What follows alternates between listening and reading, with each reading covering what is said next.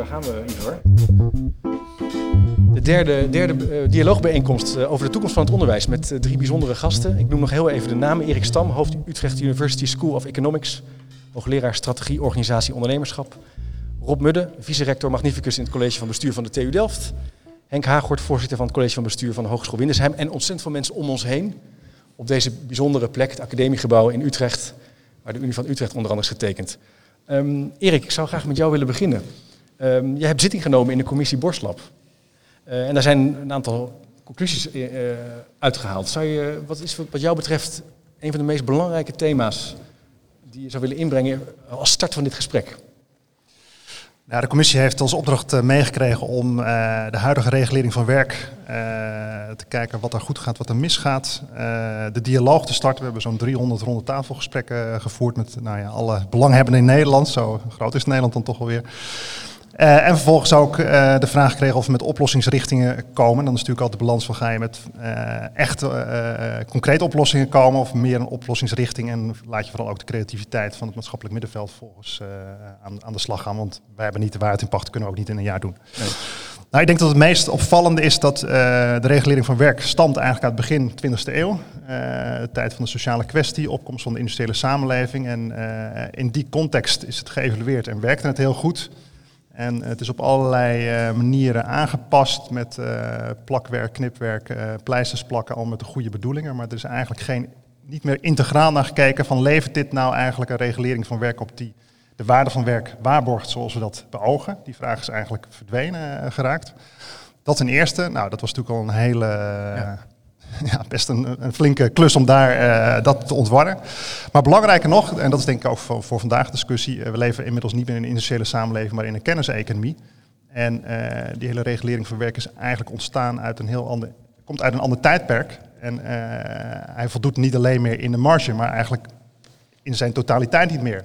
daarom hebben we ook we kregen de opdracht om naar sociale zekerheid, arbeidsrecht en ja. fiscaliteit te kijken. En op een gegeven moment dachten we, ja, die kunnen we wel aanpassen, maar daar redden we niet mee. Dus we moeten ook naar, naar leerregelingen kijken. Want als je in de kenniseconomie uh, arbeid wil veiligstellen en de regulering daarvan, dan loopt er daar eigenlijk heel veel op mis. Dus dat is eigenlijk een opdracht die we erbij hebben genomen. Ondanks dat we eigenlijk al te weinig tijd hadden om überhaupt die enorme klus uh, te klaren. Ja. Maar die wel super belangrijk is om in een 21e eeuwse kenniseconomie ook een regulering van werk te hebben. Die de waarde van werk waarborgt. Niet nu, uh, over de komende 10 jaar, misschien zelfs over de komende 20, 30 jaar. Ja. Dus het belang van kennis op zich is dat natuurlijk alom uh, bekrachtigd, maar die regulering van werk komt echt uit een tijd waarin dat niet dominant was. Dus. Je zegt, ik hoor je ook zeggen dat dat leren steeds meer onderdeel wordt van het werk daardoor. Dat, dat, dat we dat dus meer een plek moeten geven in het organiseren van werk.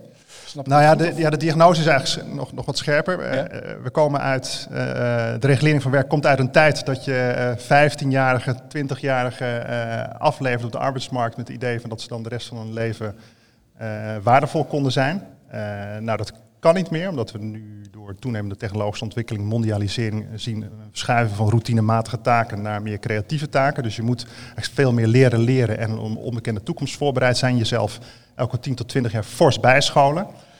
Uh, we zien ook dat mensen langer leven, dus ze gaan ook meer carrières hebben, een langere uh, uh, okay, arbeidstijd krijgen, wat ook nog eens extra aandacht vereist voor die, die, die doorontwikkeling.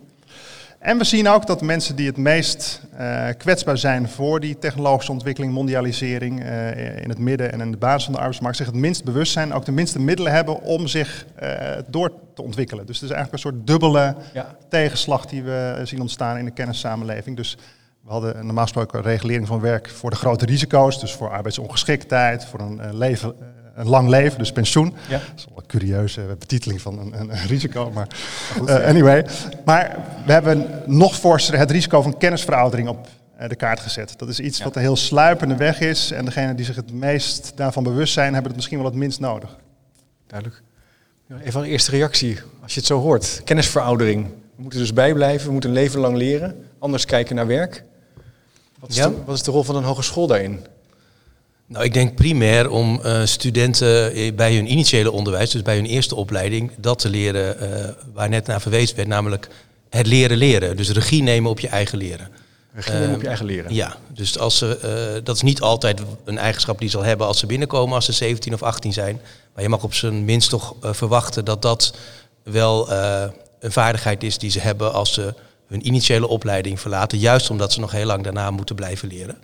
Uh, en dus ook moeten snappen hoe ze leren en, uh, en daar ook zelf initiatief in kunnen nemen. Dus dat je ook verantwoordelijkheid neemt over je loopbaan en je leerloopbaan. Ja, ja. En dat punt van meer eigen regie op het leren, ik denk dat dat wel een, uh, een rode draad is, ook in de adviezen die jullie hebben gegeven. En dat kun je op heel veel vlakken natuurlijk toepassen. Op hoe je studeert, maar ook op waar je studeert. Of, of je je eigen resultaten beheert, of je budget beheert. Daar zijn allerlei varianten op denkbaar. Maar rode draad is wel meer eigen regie. Rob, zou dat betekenen dat je ook een eigen budget zou mogen hebben? Als professional, dat je dat helemaal zelf zou mogen Ja, vind ik een, uh, een, een dat... afgeleide van de hoofdvraag. Voor mij is de hoofdvraag, um, hoe komen wij tot een kennissamenleving die kennis blijft maken, produceren en gebruiken? Ja. Ik noem het ook liever geen kenniseconomie. Dat vind ik een beperking van, uh, en ik snap dat een econoom uh, dat uh, per ongeluk in elke tweede zin zegt. Hè, dus is geen, geen kritiek. Maar de beroepsdeformatie. ja, precies. Dus die, dat snap ik. Hè. Ehm, het, het, is een samenleving die niet alleen het nodig heeft dat men, mensen hun kennis op peil houden om, om te kunnen werken. Maar de hele samenleving wordt steeds complexer. En als je daar je weg niet in kunt vinden, ook in je privéleven, dan wordt het steeds moeilijker. Ja. Dus ik zie het dat we eerst een uitspraak moeten doen, zoals we ooit denk ik een uitspraak hebben gedaan initieel onderwijs voor jonge mensen, die stellen we vrij van werk. Dat is niet zomaar gekomen. Hè. Je hoeft er niet meer op een achtste steentjes te bikken. Nee, eerst zorgen dat je je kunt ontwikkelen. En ik zie een vergelijkbare uh, stap die we nu moeten zetten. Dus eerst maar het principe uitspraak. Ik kijk ook naar uh, uh, zeg maar de leeftijdscategorie 25 tot, nou pak een beetje 70. Over die mensen hebben we het. Dit gaat dus heel ver, ja. heel, helemaal door. En ehm, ja, ik heb voor mezelf de conclusie getrokken dat als we het, het kennis uh, ontwikkelen in jezelf uh, te veel in een economisch perspectief zetten, wordt het ietsje te eenzijdig. Ik denk dat het breder is. Um, en ik denk dat het, er zit natuurlijk economisch kant aan, employable zijn. Dus daar moeten we over denken hoe we dat organiseren, maar dat iedereen moet dat staat voor mij als een paal boven water. Is het nu nu, dan is het in 2030 wie het dan niet zich heeft kunnen eigen maken. Als we als land de mogelijkheden niet gemaakt hebben voor mensen, gaat het vastlopen. Ja. Het zit door alle geledingen heen. Is het, is het urgent om dit te doen? Om deze, om deze principe-uitspraak te maken? Of kunnen we nog doorgaan op de voet zoals we het nu doen? Nee, het is urgent omdat het tempo waarin dingen veranderen uh, toeneemt. En we leiden mensen op niet voor morgen, maar voor nog heel veel morgens daarna. Ja. Uh, dus dat gaat onherroepelijk op, op en afkomen. Ik vind het wel belangrijk om, om zeg maar de verbindingen, we praten hier tegen de context van het totale onderwijsstelsel. Uh, een van de, uh, als het gaat om dat willen leren en plezier hebben in leren, is de ervaring die je hebt in het initiële onderwijs, is wel een hele belangrijke. Dus je kan dit niet goed op de kaart zetten als ook het leren, zeg maar in je jonge jaren niet iets is wat je uitdaagt, waar je plezier aan hebt en wat je inspireert. Ja. Het ergste wat er kan gebeuren is dat je van school gaat met het idee leren is niks voor mij. Dat je een soort idee, ik pik die uitspraak van Jozef Kessels, levenslang leren. Ja. En dan moet, moet ik weer. Of het ging al helemaal niet goed in mijn mbo-opleiding, of ik heb net de hbo kunnen afmaken. Dus die, die, die positieve ervaring, het gevoel van dat het werkt, dat je verantwoordelijkheid kan nemen, is ontzettend belangrijk. Ja, zit, dat, uh... zit hem ook wel voor een deel in de vorm. Maar ik kan mij voorstellen dat... Uh, met terugverplaatsen in mijn pubertijden, dat het best moeilijk was om 30 uur in een klasje te zitten en braaf te zijn en niks te mogen. Terwijl ik eigenlijk liever wou voetballen, ik moest rennen. Um, maar dat is een, een hele beperkte manier van naar leren kijken. Dat hoeft helemaal niet meer in een klasje te zitten. Hè. Dus ik ben helemaal met jou eens. Uh, ik heb ook een flauw zinnetje bij. Op vrijdagavond ben ik moe, ga ik Netflix. En op zaterdag heb ik weer energie, ga ik iets leuk doen, leren. Ja. Dus veel je vertelde even in het intakegesprek dat jullie een MOOCs hebben. Dus je moet even, en, en hoeveel mensen daaraan dat bekijken. Ja, voor mensen die de, de, de afkorting niet kennen, MOOC staat voor Massive Open Online Course. Dus dat zijn uh, uh, stukken onderwijs uh, die iedereen online kan volgen en die wij kosteloos aanbieden. Um, dat zijn we vijf jaar geleden gestart. We hebben zo'n honderd van die cursussen gemaakt. En wij zijn van onze stoel gevallen door het aantal deelnemers in de wereld. Dat is meer dan 2,6 miljoen inmiddels. Mensen die op die cursus in hebben geschreven en die meedoen. En het bijzondere daaraan is, dat zijn niet mensen uh, vooral uit de, de, de goed ontwikkelde westerse landen die allemaal een snelle computer hebben. We pikken ze over de hele wereld op. Um, ik heb er zelf een gemaakt en ik had twee uh, relatief jonge mensen die meededen in Syrië tussen het vallen van de bommen letterlijk door. Dan hadden ze weer even stroom en dan gingen ze weer. Er zat er een in, uh, in de binnenlanden van Afrika, Congo uit het hoofd. Die had vier uur per dag elektriciteit. Dat moest hij delen met mensen. Dus dan kon hij weer even een stukje inladen en dan ging hij weer. Het, Het is echt ongelooflijk wat er daar eh, gebeurt. En daar zie je de waarde van leren. Die kunnen er niet bij. Anders dan via dit soort zaken. En ineens is leren veel belangrijker. En dat is een beetje waar wij last van hebben met z'n allen. Het is zo gewoon geworden dat je kunt zeggen: ik heb geen zin meer in school. Maar als je het niet hebt, dan weet je ineens wat je mist. Even over het punt over dat de toekomst verandert en het werk verandert. Dat vind ik altijd een hele lastige uh, redenering voor mij. Hè? Ik snap wel dat er van. Wat betekent, kan je een voorbeeld van geven van iemand die nu een MBO-opleiding doet of een HBO-opleiding van het werk verandert en je moet, het moet anders? Nou ja, je kunt nemen willekeur. Kijk, ah, bijvoorbeeld in het hele economische domein, hè, ja. waar wij geloof ik, op onze hogeschool 13 verschillende studierichtingen hebben verzonnen. Ja. Van logistiek en management en e bedrijfseconomie en finance, tax en advice. En we zien nu al dat dat nauwelijks aansluit op bestaande beroepen. Die mensen komen wel aan het werk, maar veel meer omdat ze kennis hebben van het economisch proces, dan dat ze nou voor een bepaald beroep uh, precies wisten waar, waarvoor ze kiest of dat het beroep er nog is. Dus die aansluiting. Dus ik zie het in het economisch domein al vrij snel gebeuren. En, en dat wisselt een beetje. Bij verpleegkundigen zal dat minder snel aan de hand zijn, hoewel het beroep zelf wel heel snel verandert. Ja. Ja, als je iemand opleidt voor boekhouder, dan uh, ben je over vijf jaar ben je een business intelligence uh, leader. Dus dat is, dat, laten we zeggen, de aard van het werk vooral niet structureel, maar de manier waarop je het uitvoert en wat het relatief belang van bepaalde uh, activiteit erin wordt. Kijk, vroeger was je boekhouder en moest je dat uh, bijna in een dubbel kasboek bijhouden. En nu ga je vooral kijken van hoe kan ik met algoritmes die er al zijn, met softwarepakketten, dit zo goed mogelijk, zo snel mogelijk uh, omzetten in een bruikbare vorm. En hoe ga ik er vervolgens ook advies bij verlenen en ook kijken van hoe anderen dat doen. Dus je hebt veel meer dan eens digitale vaardigheden nodig om zo'n min of meer ouderwetse vaardigheid als boekhouden uit te voeren. En misschien wordt het wel gedeeld, grotendeels overbodig omdat je het online kan doen. Maar dat betekent nog steeds wel dat die ondernemers behoefte hebben aan advies van hoe kan ik mijn financiële huishouding ja. zo goed mogelijk ja. realiseren. Dus de basisvraag blijft, maar de manier waarop het uh, wordt voorzien gaat fundamenteel veranderen voor heel veel uh, beroepen. Voor heel veel beroepen. Ja, dus vooral de taken in die beroepen worden steeds anders. Ja. Nou zitten we hier na te denken over dat leven lang leren. En zouden, wat zouden jullie nu het liefst willen? Als je zou zeggen van uh, een soort, kunnen jullie een soort propositie doen of een, uh, het knuppel in het hondenhoek gooien. Zeg, nou, als het aan mij ligt, dan om even, te kijken, om even zo te polsen hoe dat dan landt. Nou, in eerste instantie het niet levenslang leren noemen, maar. Pardon. nee, levenslang ontwikkelen. Je, je, je wil dat mensen zich zo goed, om even in, in de brede economische sfeer van het woord, zo, zo breed mogelijk en zo goed mogelijk ontwikkelen okay. als mens.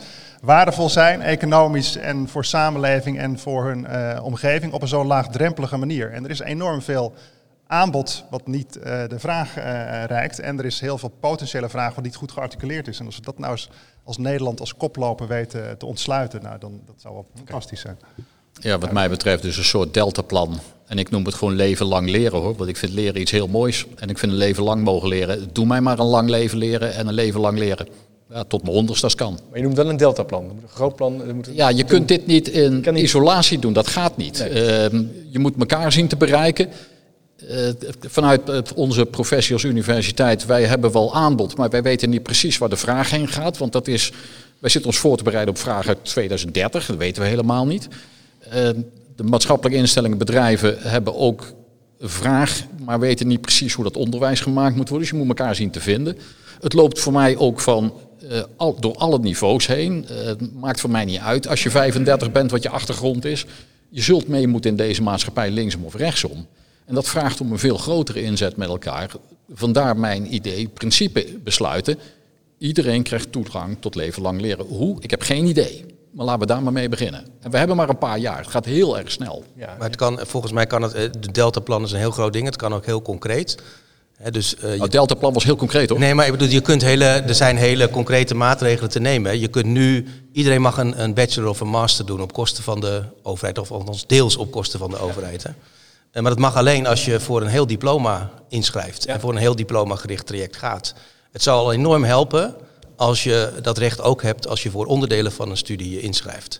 En dat je dan langzaamaan naar een, studie, naar een diploma toewerkt, dat kan altijd nog. Uh, maar we zien dat zeker waar werkgevers niet de verantwoordelijkheid nemen om dat hele diploma te bekostigen, ja. mensen ook geremd worden om die stap te zetten. Uh, dat zie ik binnen onze hogeschool. We doen prima zaken met grote schoolbesturen, met ziekenhuizen. Die nemen die verantwoordelijkheid voor hun uh, werknemers. Maar als het gaat om het MKB is dat veel lastiger. Okay, ja. Dus dit zou een heel concreet uh, iets zijn wat, nou ja, wat zo gedaan kan worden. Kijk, kunnen we gewoon zo doen.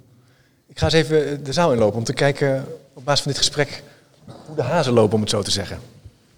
Nou, Beste gast, als je het zo aanhoort, is er een eerste reactie of een reflectie of een punt waarvan je zegt, nou, dan wil ik even op reageren. Meneer, en ook fijn als u even zegt wie u bent. Uh, Jos van Oudijk, MBO Amersfoort. Uh, heb ik even over de term leren. Er is een hele grote groep die een geweldige allergie heeft voor de term school en leren. Daar moet je doorheen. Dus de term leren is wel degelijk een beladen woord. Ja. Dus dat wil ik, en daar wil ik wel een lans voor breken, voor die groep. Dus dat woord, die ervaring van leren, is voor niet iedereen... Uh, associeer ze met de succeservaringen, vinden ze spannend. Daar moet je dus doorheen. En de faalervaring. Uh, ik ga even meteen naar, om een reactie vragen. Hoe, hoe, hoe moeten we daarmee omgaan? ik hecht op zich niet aan het woord hoor. Dus als het dienstbaar is om dat te ontwikkelen te doen, betwijfel overigens of dat aan gaat haken. Maar het gaat mij erom dat we het met elkaar doen en dat we afkomen. Uh, je middelbare schoolidee toen je het niet leuk vond. Het is hartstikke leuk, maar je moet vormen vinden die passen bij het levensfase van mensen. Als je een, toch maar even proberen te schetsen. Iemand in de leeftijd van 35 tot 40 met een partner die een gezin draait. Ja, die moet je niet met de schoolbanken injagen. Dan gaat het niet worden. Dus je, moet je helemaal aanpassen in de manier waarop je dit type onderwijs inricht aan wat doelbaar is voor mensen en wat het interessant voor ze maakt. En we leven gelukkig in een technologisch tijdperk waar ineens heel veel mogelijkheden zijn. Mijn vader moest naar avondschool, er was niks anders, dat gaf hij, want mijn moeder was thuis. Maar die wereld is weg. Dus. Oké, dat even als eerste reactie. Ik ga nog even, kijk nog even verder naar een andere mevrouw. Ik ben uh, Tineke Onink en uh, bestuurder van een uh, grote opvangorganisatie in de, richting, in de regio Haaglanden. samenwerkingspartner van de TU Delft. Um, en ik wil heel graag belichten dat ontwikkelen al bij nul begint. dus dat je daar al begint met kinderen nieuwsgierig maken in het onderzoekend ontwikkelen. Um, en dat daarin ook een sleutel ligt richting dus het etiketje van leren eraf halen. En vooral omdat um, er hier vooral wordt gesproken in, in het rapport over uh, geïnstitutionaliseerd leren. Terwijl uh, je natuurlijk uh, op alle momenten van de dag ook leert. Um, dus ik denk dat het heel goed is ook om in die richting te denken. En verder mis ik in het rapport Um, ook bijvoorbeeld de rol van allerlei instituten die ook uh, ontwikkelingskansen aan mensen bieden, maar niet hier aan tafel of in het rapport staan. Kan je een voorbeeld geven? Ja, um, ik heb een dochter die uh, nu niet, maar eerder bij de NCOI heeft gewerkt, wat een hele grote organisatie is die private opleidingen aanbiedt. Um, waarbij ik niet wil pleiten dat, uh, zeg maar dat de vorm uh, moet worden. Maar wel dat we daar wellicht ook van kunnen leren hoe zij juist inspelen op levensfasen waar mensen zich in bevinden. En op wat voor manieren mensen uh, leren. Dus je leert op allerlei plekken. Soms doe je dat bij een, een commerciële partij, soms doe je dat in het werk, soms doe je dat op een universiteit of een MBO. En en vanaf nul, tweede punt, is je leert een leven lang. En dat onderzoek en nieuwsgierig zijn kunnen we gebruiken. In die zin is de universiteit heel sterk gekoppeld al aan, aan hele jonge kinderen. En de HBO, MBO, dat is één lange lijn, zegt u. Oké. Misschien nou, als even een eerste reactie Ik vind het wel heel belangrijk om dat nogmaals te benadrukken. Dat we leven lang ontwikkelen dus heel erg in de context zien van het totale onderwijsstelsel. Ja. En de belangrijkste bijdrage die we aan leven lang leren kunnen leveren... is het aantrekkelijker maken van het initiële onderwijs en het voortgezet onderwijs. Ja. En ik denk dat we, als je die samenhang niet blijft zien, ook het belang niet, dan gaan we geïsoleerd over delen van het onderwijsstelsel spreken. Ja. En dan gaat ook, denk ik, de importantie van die andere aspecten uit het rapport verdwijnen. Uh, of we lopen het risico dat bijvoorbeeld leven lang ontwikkelen alleen vanuit een economisch oogpunt wordt bekeken. Ja, dus dat is systemisch uh, perspectief. Het ene kan niet bestaan zonder het andere. We moeten het ook samen met elkaar proberen te verkennen. Ik kijk nog even naar een laatste reactie op basis van het eerste gesprek. Heeft iemand nog een... Meneer. Joop Scheppers, Universiteit Utrecht. Um, ik um, werd wel aangesproken door dat idee van een deltaplan. Uh, nou is dat altijd heel makkelijk gezegd dat we ergens weer iets heel groots en meeslepends. Wat daarbij denk ik wel belangrijk is, en dat kwam aan het begin van het gesprek even aan de orde, uh, dat we nu in het huidige onderwijs mensen ook zouden moeten leren en voorbereiden op het nemen van verantwoordelijkheid. Dat kunnen sommige mensen heel goed aan, maar voor andere mensen is dat buitengewoon lastig. Dus ik denk dat als je een plan maakt, dat je ook heel goed rekening moet houden met het feit dat sommige mensen inderdaad heel goed geëquipeerd zijn om zich hun hele leven lang zonder hulp te blijven ontwikkelen. Maar dat er een andere groep is die daar eigenlijk bij voortduring een steuntje bij in de rug nodig heeft. En nou ja, laat ik zeggen, het is heel makkelijk om uh, ook hier het laaghangend fruit uh, te plukken. Maar juist ook die, die lastige groep, die zul je ook moeten meenemen. Omdat dat ook de groep is die vanuit arbeidsmarktperspectief het grootste risico loopt. Bijvoorbeeld door de introductie van allerlei vormen van artificial intelligence enzovoort. Dat zijn vaak de mensen die nu bij wijze van spreken al uh, problemen hebben met geletterdheid. Uh, en als die dan dadelijk ook nog eens digitaal ongeletterd blijken, dan komen ze helemaal op achterstand te staan. Die begeleiding van die leerkracht, die professional, die uh, diegene ook kan begeleiden, is ontzettend belangrijk. Kunnen we niet zomaar even. Ja, ja, ja. Ik had nooit bij middelbare school gehaald zonder mijn decaan bijvoorbeeld, die mij uh, op een gegeven moment bijna naar school bracht. Ja. Oké, okay. um, we gaan eens even kijken naar wat stellingen op basis van dit eer eerste gesprek en deze verkenning. Ivar, is dat goed om te doen? Ja?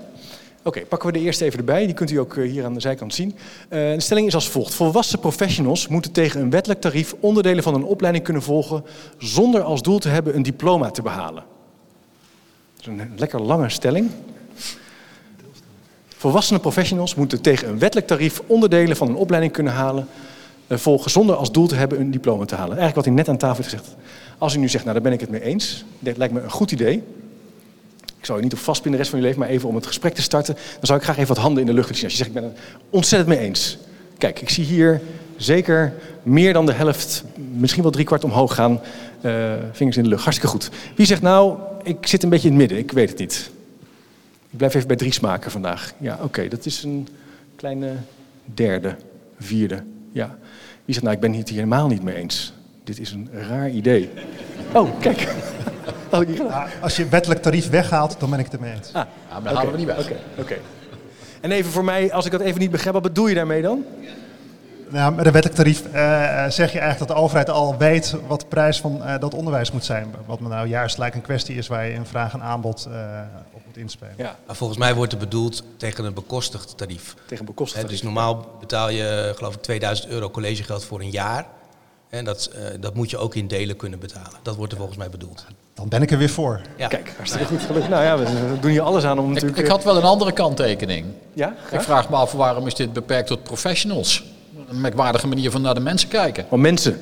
Ja. Iedereen? Ja. ja. We, we leven in een kennissamenleving. Ja. Dus Ja. als je geen beroep hebt en dus je even geen professional kan noemen, lig je er dan uit? Ik zou denken, het is juist voor iedereen. Heel goed. Oké. Okay. Duidelijk. Ik ga even kijken. Ik zie hier al meteen een vinger in de lucht gaan. Ik ben heel benieuwd. Ja, ik ben Jitty Runia, ik werk bij het Nederlands Jeugdinstituut. Ik haakte even op het opleiding. Zoals het elke keer heeft, heb je een woord wat haakt, zeg maar. Uh, wij hebben onderzoek gedaan onder wijkprofessionals bijvoorbeeld. Uh, hoe zij leren. En wat blijkt, dat 50% leren ze van elkaar. En uh, nou, 20, 30% zeg maar zoeken ze op. En dan is er ook nog ergens iets van kennis. dus ik ben heel erg voor levenslang ontwikkelen. Dat vind ik een veel mooier woord. En ik vind, ben ook heel erg voor, voor de reflectieve werkpraktijk, zoals zij dat maar noemen. Waarin je dus inderdaad ook heel veel leert. Dus ik wil het ook iets wat afhalen van de opleidingen alleen, maar ook gewoon wat kan de praktijk van de praktijk leren. En hoe zorg je dan inderdaad wel dat kennis toegevoegd wordt steeds. Dus punt bijvoorbeeld, ik moet even denken aan intervisie of uh, interdisciplinair overleg. Daar kan je ontzettend veel van leren als uh, psycholoog of psychiater, maar dat is niet een formele opleiding of een niet formeel leertraject. Dus dat zullen we ook op die manier moeten gaan waarderen. Ja, dus dat vraagt ook een andere manier van kijken. Ja. Wilt op reageren? Overigens is dat, uh, kijk, het, het klassieke beeld wat we hebben van een deeltijdopleiding. Dat, dat klopt al lang niet meer met de werkelijkheid. Dus heel veel opleidingen worden samen met het werkveld gegeven. Je mag ook het werkplek leren, zoals we dat noemen, inbrengen in je opleiding. Uh, dus, dus dan komen al deze aspecten tot hun recht. Dus gelukkig zijn daar de afgelopen jaren heel veel stappen gezet. Al blijft hardnekkig het beeld hangen, ook bij veel werkgevers, dat je bij een deeltijdopleiding, zoals we dat noemen, gewoon naar school moet en dan die schoolbanken in moet. Maar dat is niet de praktijk. Nee. Het gebeurt ook in het werk. Het werk krijgt ook het karakter van leren, zou je kunnen zeggen. Ik ga nog even verder. Ik zie nog wat Mevrouw, misschien ook even zeggen wie u bent alsjeblieft. Mijn naam is Harien Skolnik. Ik ben bestuurder bij een ROC, het Graafschapcollege. En ik wilde graag toevoegen dat er zo'n interessante ontwikkeling is in het mbo. We noemen dat hybride leren. Je ziet dat overal nu plaatsvinden. Waarbij niet uh, de theorie van het beroep het uitgangspunt is, maar de werkelijke praktijk. En dat betekent heel veel voor het onderwijs, want we moeten leren daarop aan te passen. Maar ik denk dat dat naar de toekomst gezien een hele mooie manier is van onderwijs uh, aanbieden. Wat ook in een breder perspectief kan helpen. Ik kan me ook voorstellen dat dat vraagt van een, leer, van een leerkracht of een begeleider. Als die praktijk leidend is, het gebeurt dus ook daar op die plek, dat het een andere vorm van kennisoverdracht en expertiseoverdracht vraagt. Ik zie daar een, misschien, misschien kunt u antwoord geven op mijn vraag. Uh, Bart Wendrich, MBA Amersfoort. In de kern raak je daar denk ik een probleem waar we allemaal mee worstelen. Is dat wij het heel moeilijk vinden om te valideren wat mensen eigenlijk ontwikkelen zonder dat ze in de schoolbanken zitten. En volgens mij als we daar nou eens op focussen, dan lukt het veel makkelijker om alles wat mensen meemaken om te zetten in uiteindelijk wellicht, als we dat belangrijk vinden, een diploma. Maar het gaat om het valideren van ervaringen. Het punt van de toetsing en examinering. Uh, ja, het hele circus, het uh, summatief, formatief toetsen. Nou ja, ja, ik merk ook, maar dat is wel een heel lastig vraagstuk in het uh, beroepsonderwijs. Oké, dank u wel. Maar het belangrijk thema wat we even wel te pakken hebben dan voor, de, voor het vervolg. Ik zie ook nog een vinger in de lucht, dus ik ga nog heel even door. Mevrouw. Goedemiddag, mijn naam is Regie Driessen. Ik ben actief als programmadirecteur in een academische opleidingsschool.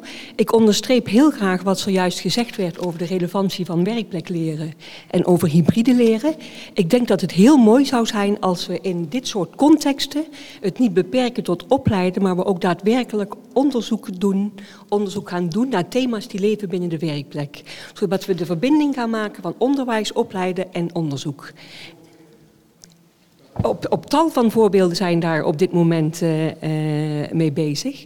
En ik denk, als ik daar een, even een klein uitstapje bij mag maken. Ik denk dat het ontzettend mooi zou zijn als zowel uh, studenten uit de initiële opleidingen. als betrokkenen uit het werkveld hierin samen. liefst met mensen uit de, de, onderzoekswereld. gemeenschappelijk binnen een lerend team stappen in kunnen zetten. En dan wordt er heel veel ontwikkeld waar heel veel mensen een positieve bijdrage aan kunnen dus die studenten en die, of die lerende studenten, eh, die komen bij elkaar vanuit, verschillende, vanuit universiteit, mbo, verschillende niveaus. Gewoon professionals met een gemeenschappelijke vraag. En daar leer je ook veel van. En dat zouden we ook als onderzoek kunnen zien. Ja, interessant. Ik ga nog even terug naar mijn tafel op basis van de eerste stelling. Als jullie het zo aanhoren, um, zijn er een aantal gedachten die. Ja, ik, ik, ik, begrijp hè, dat uh, het, het, leren terwijl je uh, ontwikkelen, als je dat liever hoort, terwijl je met elkaar aan het werk bent, uh, een belangrijk aspect is. Ik geloof dat we voor uh, ons oudere deel van de bevolking, 25 plus, niet meer in opleidingen per se moeten denken. Maar ieder zijn persoonlijke portfolio vind ik veel makkelijker om te zien wat, wat heb jij nodig en wat uh, vind jij interessant, waar word je warm van. Anderzijds wil ik er ook wel een lans breken. Vergeet niet dat leren op het werk je niet gaat vertellen hoe blockchain werkt als er niemand toevallig rondloopt die weet wat blockchain is. En ik kan alleen het woord schrijven. Ik heb geen idee wat het betekent. Ik zal cursusachtige dingen moeten doen om die echt nieuwe stappen mij eigen te maken, want die kennen we allemaal niet. Dus er is denk ik straks een dwingende behoefte aan die manier van met elkaar ontwikkelen. Ik zie jou ja knikken. Nou ja, twee opmerkingen. A, uh, dat leren, uh, dat beroepsleren, dat vindt niet automatisch plaats. Dus dat moet ook uh, geregeld worden. En hopelijk heb je een werkgever die groot genoeg is en, en vooruitziend genoeg is dat hij dat faciliteert, mogelijk maakt. Maar heel veel werkgevers zijn te klein om dat mogelijk te maken of hebben een korte termijn oriëntatie. Dus ik ondersteun het van harte, maar ik zie het ook heel vaak niet gebeuren. Dus dat blijft nog steeds een zorg. En ja, de opleidingsinstellingen kunnen daar een rol bij spelen. Wij ontwikkelen hier bij de Universiteit Utrecht ook meer postinitieel onderwijs. En dat is eigenlijk meer het faciliteren van beroepsleren met wetenschappelijke kennis dan dat we als een soort monoloog uh, ouderwets daar staan te doseren. Dus dat ten eerste.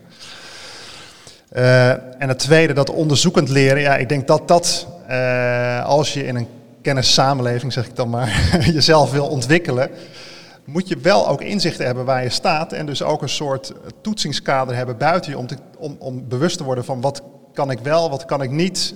En daar moeten we denk ik ook een nieuwe leerinfrastructuur voor ontwikkelen om, om, om uh, het bewustzijn en uh, de modules die erop inspringen, dat te ontsluiten, kenbaar te maken. En daar zijn we ook nog lang niet. Dus daar is ook nog behoorlijk wat aan die infrastructuur te werken. Ja. Het vraagt wel een infrastructuur. Dus ja, hoewel op dat, punt, ja, op dat punt van het valideren zijn ook juist in het deeltijdonderwijs weer mooie stappen gezet. Door vanuit leeruitkomsten te denken. Ook de minister heeft in de laatste strategische agenda aangegeven dat ze graag wil dat de wet daarvoor ook op het voltijdsonderwijs wordt aangepast. En dat zou echt wel een doorbraak zijn om veel meer te denken uit, hè, vanuit wat moet iemand aantonen, los van op welke manier ga je dat aantonen. En dat gaat veel meer die flexibiliteit geven die we nodig hebben. En daar is ook weer een kleine wettelijke aanpassing voor nodig die bij wijze van spreken uh, morgen kan. Kijk, dat is goed nieuws. Ja. Oké. Ivar, als je het zo aanhoort, eh, heb jij nog reflecties op basis van wat je hebt meegeschreven? Nou, de vraag ging over het wettelijk tarief. We zijn al snel eigenlijk naar andere punten toegegaan die we interessanter vonden. Nou, dat is op zich uh, een goed teken. Um, wat centraal stond uh, voor mij als ik hier de notities maak, is dat uh, die relatie tussen aan de ene kant het leren, de theorie, en de werkkant toch best wel een belangrijk punt is. Om ook te kijken hoe kunnen we dat beter mogelijk maken. zowel op een wettelijke manier, ook kijken naar misschien. Um, uh, kijken hoe je kan valideren wat er buiten schoolplekken uh, uh, gebeurt. En hoe je dat ook weer connectie kan maken met het onderwijs, wat bijvoorbeeld het voorbeeld van de blockchain, om ook daarbuiten te kunnen stappen en dat weer mee te nemen terug ja, ja. naar het werkveld. misschien is er nog iemand in de zaal die iets specifieks over deze stelling wil zeggen. en anderzijds kunnen we naar de volgende. Maar ja, kijk even het tarief en specifiek. Is het nog nodig? Ja, ik zie even één vinger. Ik ga even naar u toe, meneer. Misschien ook even zeggen wie u bent. Ja, Albert Strijker bestuurder in het voortgezet onderwijs.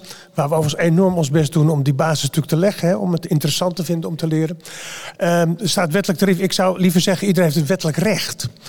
Want uh, als je naar wettelijk tarief krijgt, dan moet daarvoor betaald worden. Er werd al even aandacht gevraagd voor de groep aan de onderkant van, uh, van de arbeidsmarkt. Aan de bovenkant heb je vaak zelf de mogelijkheden om, uh, om je leren te organiseren. In ieder geval ben je er veel meer in getraind, laten we zeggen, veel meer op gericht. Aan de onderkant is dat aanmerkelijk kwetsbaarder. Dus ik denk als je er niet voor zorgt dat iedereen dat recht heeft om zijn leven lang terug te komen naar publiek bekostigd onderwijs. dat je aan de onderkant enorm veel mensen gaat missen en die kunnen we niet missen. Heel duidelijk, dank u wel. Ik zag nog een mevrouw ook met een vinger omhoog. Klopt dat nog steeds? Of heb ik het verkeerd gezien? Ja? Oh, uh, ik ben Kokkie Schoof. Uh, ik ben aangesloten bij een netwerk van onderwijskundigen, Netto. En ik ben uh, ondernemer kom bij veel scholen, vooral mbo. Ik, uh, ik vroeg me af of, of we wat konden leren van het model in Zweden, omdat daar het onderwijs gratis wordt aangeboden kunnen we wat leren van Zweden. Op een of andere manier zijn Scandinavische landen altijd wel in de mode als het gaat over onderwijsvernieuwing. Maar dat is misschien voor een ander gesprek. Um, wil iemand daarop reageren of is dat voor nu? Is dat, ik weet niet of jullie kennis van zaken hebben als het gaat over ja, nou, kijk, het gratis aanbieden van onderwijs. Hè? Dat is even kun, het Kunnen we wat van leren? Antwoord is natuurlijk ja. Dus het is altijd goed om ja. buiten de grenzen te kijken. Dat is in Nederland vrij makkelijk. Hè? Rij een uurtje en je bent buiten de grenzen. Um, dus dat is zeker de moeite waard. Er zijn meer landen waar, uh, waar het interessant is. Singapore, uh, welke stappen die zetten, is gewoon uh, heel erg boeiend om naar te kijken. En dan moet je proberen te filteren. En wat past nou bij ons? Want het is niet in splendid isolation dat je dit op kunt tuigen. Nee, dat er is een heel systeem al gaande. En laten we ook vooral trots zijn op het onderwijs wat we hebben. Dat is van enorm hoge kwaliteit. Ja. Dus niet te snel dat weggooien. Ja. Dankjewel. Gaan we denken naar de tweede stelling. Ivar, de tweede stelling. In elke regio moet een leven lang ontwikkeltafel komen waarin mbo's, hogescholen, universiteiten, gemeenten, werkgevers en alumni afspraken maken over het benodigde LO-aanbod. Dit is nog, nog een langere stelling. Dus er moeten een soort tafels zijn regionaal. En aan die tafel moeten afspraken worden gemaakt over uh, afspraken over het LLO-aanbod. En die MBO's en hogescholen, universiteiten, misschien ook wel commerciële partijen moeten bij elkaar komen. Er moeten afspraken over worden gemaakt. Ja, hier wordt wat over gemompeld. Misschien um, ik zou je niet vastpinnen op de stelling, maar wie zegt nou, ik ben het hier wel mee eens. Ik denk wel dat we dit regionaal moeten gaan optuigen en meer uh, een plek moeten geven. Wie zegt, ik ben het daarmee eens met deze stelling. Ik wil mijn hand daar wel voor in de lucht steken. We moeten dat regionaal gaan organiseren. Ik zie een, nou, een vierde ongeveer. Ik schat het even zo grof in. Wie zegt nou, ik, vind het zo, uh, ik heb hier niet echt een mening over, dit is genuanceerder. Ik, uh, ja of nee, zeg maar een beetje neutraal. Ja, zie ik bijna de helft, denk ik. Oké, oké.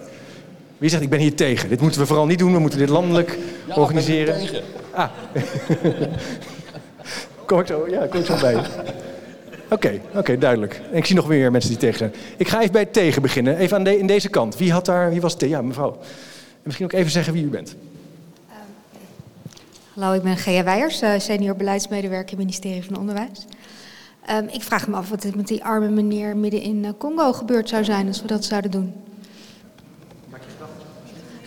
nou, het, um, het, impliceert dat uh, onderwijs per definitie aan een locatie gebonden is. En ik zou zo graag naar een toekomst toe gaan waar dat overbodig is. En niemand voor mij gaat bepalen wat ik moet leren omdat ik toevallig ergens woon. Ik ga even naar Erik. Jij had je vinger in de lucht. Wat was jouw gedachte bij de stelling? Ja, dat is misschien wat tegen de verwachting, want ik ben ook uh, erg geïnteresseerd en ook erg actief in het regio-debat. Dus de regio is wel de plaats waar de meeste actie plaatsvindt, dus uh, dat zeker. Maar Ja, het is hier ook weer een soort Stalinistische uh, plaatsbepaling van waar het onderwijs moet plaatsvinden. Terwijl Nederland A is maar een heel klein land. Dus als je het in, ten opzichte van, van zelfs Zweden en de Verenigde Staten bekijkt, is Nederland eigenlijk een regio. En voor elke vorm van onderwijs is net weer een ander schaalniveau van belang. Dus ik denk dat je juist ook die, die dynamiek en die maatvoering centraal moet stellen. En de regio kan soms een goede plek zijn, maar niet noodzakelijkerwijs. Dus dat het op verschillende schaalniveaus kan plaatsvinden, super. Maar dat het per se op de regio, ja, devil is natuurlijk in de definition, wat is een regio? Nee, maar het helpt ons even. Ja. Ik denk dat, eh, kijk, leren is vaak maatwerk, modularisering, overdraagbaarheid. En uh, we, we, we, lopen juist allemaal tegen die grenzen aan. We organiseren leren in één plaats of in één sector of binnen één contract. En dat willen we juist allemaal overstijgen. Dus we moeten denk ik is, nadenken ja. over het overdraagbaarheid, meer maatvoering uh, van het onderwijs. En dit gaat er een beetje tegen in. Dankjewel. Ja, ik zie dat er hier aan tafel nu... Uh, ja, nee, misschien ja, ik, ik, even erbij ik onderschrijf niet dat als je het regionaal organiseert, dat het regionaal blijft. Volgens mij is het ja, ja. regionaal organiseren geeft een ordend principe welke dingen. neem rond Schiphol. Uh, kan ik me voorstellen dat de meeste medewerkers bij Schiphol wonen. is best handig om regionaal een beetje te kijken. Maar je kunt in Groningen, omdat het allemaal via technologie gaat, prima meedoen. Dus de, het, het, denken dat wat je regionaal doet een klasje is in een stenen gebouw, dat, dat, was gisteren. Overmorgen doen we dat hoop ik niet meer zo. Zeker niet met werkenden, met, met mensen in de leeftijd van 25 tot 65. Dus ik zie in de regionale eh, bundeling met elkaar praten wel degelijk voorbeeld. Het werd ook gezegd, mensen meer aan de onderkant van de samenleving, die hebben wel behoefte aan een steun. En ik kan mij heel goed voorstellen dat je dat lokaal steunpunten organiseert om die mensen op weg te helpen.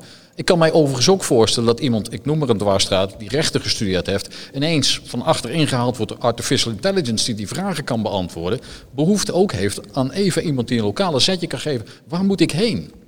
Dus ik zou niet onderschatten dat de menselijke maat in dat lokaal nog wel te vangen is.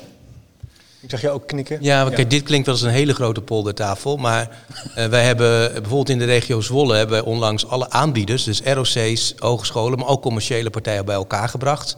Met één loket. En daarin zeggen we eigenlijk tegen werkgevers, wij ontzorgen je voor wat betreft het vertalen van je vraag naar het goede onderwijs. En dus en dat, dat lijkt mij zeker een functie in een regio hebben. Uh, waar, en we helpen ook de vraag articuleren als dat nodig is. Uh, en dat kan prima. En dat is een voorbeeld van een regionale ontwikkeling die denk ik helpt. Mooi, mooi. Ik, zie, ik hoor ook geknik of gehum achter mij. Nog reacties uh, op basis van deze stelling of op basis van wat er net is gezegd? Of is dit wel... Ja, ik zie twee mensen. Misschien ook even zeggen wie u bent. Uh, Hanneke van Normaal, ik heb tien jaar een eigen bedrijf in schaduwonderwijs gehad, zoals dat mooi heet. Uh, en wat ik zo belangrijk vind, is dat we inderdaad van buiten naar binnen denken. Dus Henk, wat jij heel mooi aangeeft, is dat er dus vanuit de werkgevers ook een vraag is die aansluit bij de opleidingen. En ik denk dat dat zo belangrijk is, dat we inderdaad die kinderen ook opleiden voor wat er nodig is vanuit die vraag. Van buiten naar binnen denken. Ja, zeg ik altijd gelijk een heel klein beetje ja maar. Hè. Kijk ook ja. naar het laatste rapport van de Onderwijsraad van vorige maand over het hoger onderwijs. Daar zit altijd wel de spanning met de publieke waarden die je ook als instituten uh, wilt uh, genereren, om het maar zo te zeggen. Maar uh, we moeten het niet als een tegenstelling. Nee, het is geen tegenstelling. Oh, dan ga je toch... Ja, ja. ja, toch heel even reageren. We moeten die kinderen ook opleiden voor ondernemerschap. Dus dat is ook echt iets wat we eigenlijk in het reguliere systeem te weinig organiseren. Misschien ook we niet kunnen organiseren. Dus... Ja, nee, maar ik ben het eens als zolang we het maar niet reduceren tot tot alleen maar. Het is ook een publieke en maatschappelijke functie. Ik heb even gemist, er was nog een hand die toen ik hierheen liep. Uh, Joke Kiewiet, ik werk bij Hogeschool Arnhem-Nijmegen als projectleider netwerk onderwijsprofessionals in de regio dus. Uh, volgens mij zit daar wel een meerwaarde om in ieder geval met mensen nabij ehm, dit soort vragen te doen. Waarom ik toch tegen was, is juist om het, het aandacht voor aanbod. Dus dat we met elkaar moeten gaan kijken wat er aan aanbod nodig is. Volgens mij, als je zo'n tafel wil, moet je vooral kijken waar ligt de vraag. Hoe doe je dat dan? Ja, als ik alle antwoorden wist, zou dat heel mooi zijn. Maar juist aan zo'n tafel zou dat volgens mij wel het gesprek moeten zijn. Van uh, in plaats van meteen kijken wat is een antwoord, is meer van wat is überhaupt de vraag en voor welke mensen en uh, waar en wanneer. Even kijken. Hebben we er nu nog wat betreft die tweede stelling nog reacties of punten? Je zegt nou, nu sla, slaat Chip iets over of vergeten we een bepaald punt? Meneer. Uh, Jan Ernst van Driel, Deltion College. Toevallig ook betrokken bij hetzelfde initiatief wat uh, Henk net noemde, regioopleiders. Het probleem is het aanbod helemaal niet. Er is ongelooflijk veel aanbod. Het probleem is hoe haal ik de vraag op? En het pro- probleem is nog sterker, hoe kan het bedrijfsleven de vraag formuleren? En daar breken wij ons hoofd nu over. Want wij zitten hier allemaal als prachtig hoogopgeleide mensen weer. Maar wij zijn niet de doelgroep. Hè. Wij zijn het er allemaal wel over eens dat we moeten leven lang ontwikkelen en opleiden. Maakt allemaal niet uit. En blockchain, dat zal allemaal wel. Maar 60% van Nederland weet het toch gewoon niet. En eh, de grootste uitdaging die wij nu tegenkomen is niet dat het bedrijfsleven vraagt aan ons: kun je een aanbod maken op? Want dat kunnen we allemaal, super, heel snel zelfs. Maar het probleem is van hoe bereik ik de werknemer en hoe zorg ik ervoor dat die werknemer er op dezelfde manier over gaat denken, want dat denken ze meestal niet, als wij met alle eh, negatieve leeremoties die men in de loop der jaren opgedaan heeft. Oh, ja, meteen een reactie. Ja, daar wil ik wel op reageren. Ik ben Daphne Rijk. Ik werk bij FME, dat is de ondernemersorganisatie voor de technologische industrie, bedrijfsleven. Ehm, vanuit FME zijn we bijvoorbeeld met het ONO-fonds dat we een campagne leercultuur inzetten vanuit de, vanuit de CAO. Dus daar proberen we net ook die werknemer mee te gaan krijgen. Maar juist het gesprek wat tussen eh, eh, eh, bedrijven en onderwijs gevoerd moet worden, is hoe je dat samen kan gaan doen, die, die werknemer bereiken. Dus daarin is die samenwerking in de regio volgens mij juist heel belangrijk. Ga ik nog even terug naar de tafel. Die werknemer be- bereiken met die onderwijsideeën, die verbindingen leggen met werknemers en de organisatie. Jullie hebben daar dus een soort loket- en samenwerkingsvorm voor Ja, maar onze volgende, dat zei eh, Jan Ernst terecht, onze volgende zoekvraag is wel hoe krijg je die vraagopgang? Ook als je heel erg bereid bent en bezig bent samen te werken. En, en iets in die leercultuur, of de vanzelfsprekendheid ontbreekt, het heeft toch nog een beetje de associatie met ik ga leren op het moment dat ik mijn baan dreig te verliezen. Ja. In dat licht vind ik het, om maar een heel concreet voorbeeld te noemen, heel teleurstellend dat bijvoorbeeld dat stapbudget wat we straks allemaal krijgen, hè, dan krijgen we allemaal een stukje budget om je leven lang te leren. Dan is als uitvoerder het UWV gekozen. Nou, als je wil uitstralen dat leren te maken heeft met bijna werkloos worden, dan moet je dat bij het UWV beleggen. Het is hem net niet. Ja, oké. Genoteerd. Als het gaat over vraag en aanbod heb ik ook neiging om even naar, aan mijn rechterzijde naar een, naar een econoom te kijken. Die verbindingen leggen en die Nou kijk, eh, zo'n twintig jaar geleden hadden we sectoren en, en brancheorganisaties en producten en bedrijfschappen die dat heel goed konden articuleren voor één sector. Ja. En daar ook echt een soort collectieve eh, actie eh, ondernamen om, om dat belang van die vraagarticulatie op zich te nemen. Maar nu zien we dat heel veel sectoren ophouden te bestaan. en dat die nieuwe bedrijvigheid zich niet zo ontwikkelt of niet zo organiseert. Dus we moeten op zoek naar een nieuwe soort articulatiepunt. Nou ja, dan kom ik toch weer terug op wat die mevrouw net ook zei, of daar, van ja, je moet ook verwachten van de werkenden zelf dat ze ondernemender worden, meer eigenaarschap nemen over hun eh, loopbaan, ook zich meer bewust zijn van hun toegevoegde waarde. En daar moeten we ze bij helpen. En dat zal niet een bedrijfschap zijn of een eh, sectorfonds, misschien ook, eh, sorry even mee.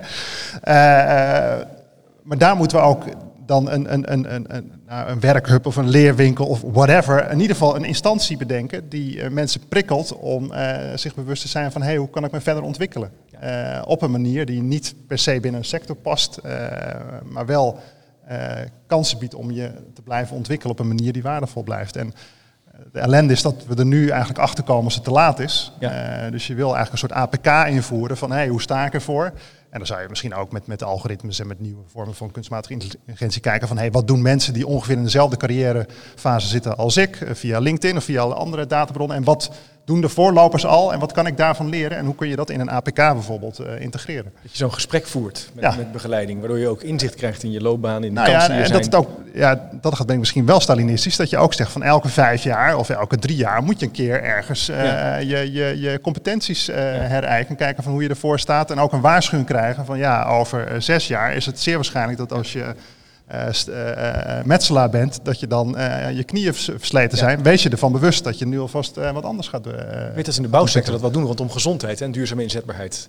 Dat dat wel effecten heeft. Dat zo'n APK wel helpt om eh, mensen, nou ja... Ja, maar dat hebben we heel veel meer informatie over hoe carrières ontwikkelen, hoe taken en competenties zijn dan 100 jaar geleden. Ja. Dus we leven ook echt in een kennissamenleving waar veel van data is, maar dat hebben we nog niet op een prettige manier ontsloten. Oké. Ik ga nog even kijken of er misschien mensen hier in de zaal zijn die een voorbeeld hebben van een praktijk waar dat heel goed werkt. Verbinden, dat kunnen wij heel goed in onze organisatie, in onze schoolorganisatie. Dat werkt, dat is een succesvoorbeeld. Wie zegt, ik wil er wel iets over zeggen? Of moeten we helemaal vanaf nul beginnen? Of ga ik dan, eh, loop ik te hard van stapel? Kan hoor. Geen voorbeelden uit de praktijk? Ja, wel. Ik zie nu twee handen. Ik ga er toch even heen lopen. Twijfelde je? Of? Ja, ik ben Berry Tilbeker, kinderopvang uh, Solidou. Uh, ik zou zeker een lans willen breken om weer terug te gaan naar de basis als het gaat over leren. En dan sluit ik aan bij Tineke, hè, waarbij het gaat over kinderen die starten met zich te ontwikkelen. En waarbij het vooral van belang is om te zorgen dat kinderen plezier krijgen in ontwikkelen. En dat hebben kinderen van nature. En de Scandinavische landen hebben iets voor op ons, want zij kijken anders naar kinderen. Zij kijken naar kinderen als mensen met potentie en ontwikkelingspotentieel en proberen dat te vangen en hen daarbij te begeleiden. En wij kunnen heel veel systemen met elkaar bedenken, maar we zullen vooral kinderen het plezier in ontwikkelen, in leren weer mee moeten brengen. En moeten zorgen dat ze met hoofd, met hart, met handen kunnen werken en kunnen leren en kunnen ontwikkelen. En dat zal vooral maken dat mensen in de toekomst, ook als volwassenen, plezier blijven houden in leren en ontwikkelen. Dankjewel, heel mooi gezegd. Dankjewel. Ik loop even naar de overkant. Wilt u daarop reageren? Ik ben Madelon Kruijf. Ik ben het uiteraard helemaal met u eens. Ik denk dat um, als iets leuk is om te doen, dat het altijd makkelijker gaat. Ik zou daar toch wel graag uh, die verantwoordelijkheid die net ook werd genoemd, uh, bij willen noemen. Um, omdat ik uh, denk dat je de verantwoordelijkheid moet krijgen, moet nemen of opgelegd moet krijgen, om ook jezelf te kunnen onderhouden. En als je uh, niets kunt, dan moet je iets gaan leren. En dat moet. Ja. Dus de regie nemen over je leren is wel een, kunnen we niet zomaar vergeten. Nee. Nee, dankjewel. Oké, okay, dus ook het, hoe we, het mensbeeld eigenlijk, hoe we kijken naar leren, naar kinderen, naar volwassenen, dat, dat snijden we daarmee ook aan. Uh, en mevrouw, u wilde daarop reageren volgens mij. Even als laatste punt op basis van die Petra van Haren van de Algemene Vereniging Schoolleiders. Wat mij triggerde in de stelling en ook in wat die mevrouw net zei. Um, we beginnen bij het mbo pas te praten. En voor mij hoort de hele keten met elkaar samen te praten. Want als de basis niet op orde is, dan is dit denk ik niet zo'n zinloos gesprek. En niet zo'n zinvol gesprek, sorry. Gelukkig. Ik schrok al even. Nou, ik weet, uh, in de vorige twee bijeenkomsten ging het wel echt altijd over die keten en de verbinding tussen universiteit, kinderopvang van 0 naar, naar 18 en van promotieplek naar op de basisschool kiezen voor uh, je middelbare school. En ook nu weer komt het naar voren. Dus in, in die zin een heel belangrijk punt. Uh, ja, ik, even wil, ik, ga even terug naar mijn tafel en kijken. Ik wil daar toch wel op reageren. Hè. De, ja. Ik denk dat niemand zich verzet tegen het idee dat wij goed voor onze kinderen moeten zorgen. Maar je zult nu maar 35 zijn, daar heb je veel aan die boodschap. Dus je moet en-en doen. Je kan niet de huidige werkende generatie, het zijn heel veel mensen, ja. uh, afdoen met van we moeten vooral bij de kinderen beginnen. Uh, mee eens, maar vergeet niet allen die nu die transitie instappen. Zijn wij allemaal. Over tien jaar ziet de wereld er echt fundamenteel anders uit, vrees ik. En heel veel mensen die nu een baan hebben, zullen iets anders moeten doen. En die hebben nu een baan. We zullen ons als professional tot onze 70 misschien wel één of twee keer opnieuw moeten uitvinden. Zou zomaar kunnen. En wat Harari ook zei. Eén tot twee keer maar. Oh. Ja, dat is oh, nog mild hè? Ja, ja, misschien wel vaker. Nou, dat lijkt me over een 50-jarige arbeidscarrière toch wel heel weinig. Oké, okay, nagaan. Nee, maar dat zegt wel iets over je, wie je bent als mens, hoe je kijkt naar leren, naar professionaliseren, naar werk, naar je, naar je gezin, je woonplaats. Ja. Oké. Okay. Uh, voor nu, belangrijk uh, om daar op tot, tot dat punt te komen, denk ik. Zullen we naar de volgende stelling gaan, Ivar? Even kijken, we gaan naar de derde stelling. Sterker onderwijs kan niet zonder grotere investeringen in onderzoek en innovatie. Dus als wij beter onderwijs willen, dan is dat, moeten we betere leerkrachten, allemaal waar. Maar we moeten ook flink investeren in onderzoek en innovatie. Wie zegt, daar ben ik het mee eens. Sterker onderwijs, daar hebben we innovatie en onderzoek voor nodig. Kijk, ik zie bijna iedereen, iedereen in de lucht. Ja, enkeling niet.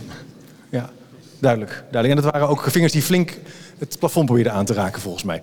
Wie zegt nou, uh, ik ben hier uh, een beetje in het midden. 1, 2, 3, 4, 5. Oké, iets meer dan uh, zeven mensen. In het midden, neutraal noem ik het maar even. Wie zegt nou, ik ben hier eigenlijk tegen. Dit is uh, een broodje aap, uh, dat is helemaal niet waar. Kijk vooraan. Uh, lijkt me aardig om daar even mee te beginnen. Meneer, u bent tegen. Nou, ik ben tegen. Kijk, hier wordt geld als heel belangrijk geacht bij verandering en innovatie. En dat vind ik een verkeerd aspect in deze stelling. Want het gaat niet altijd alleen maar om, om geld.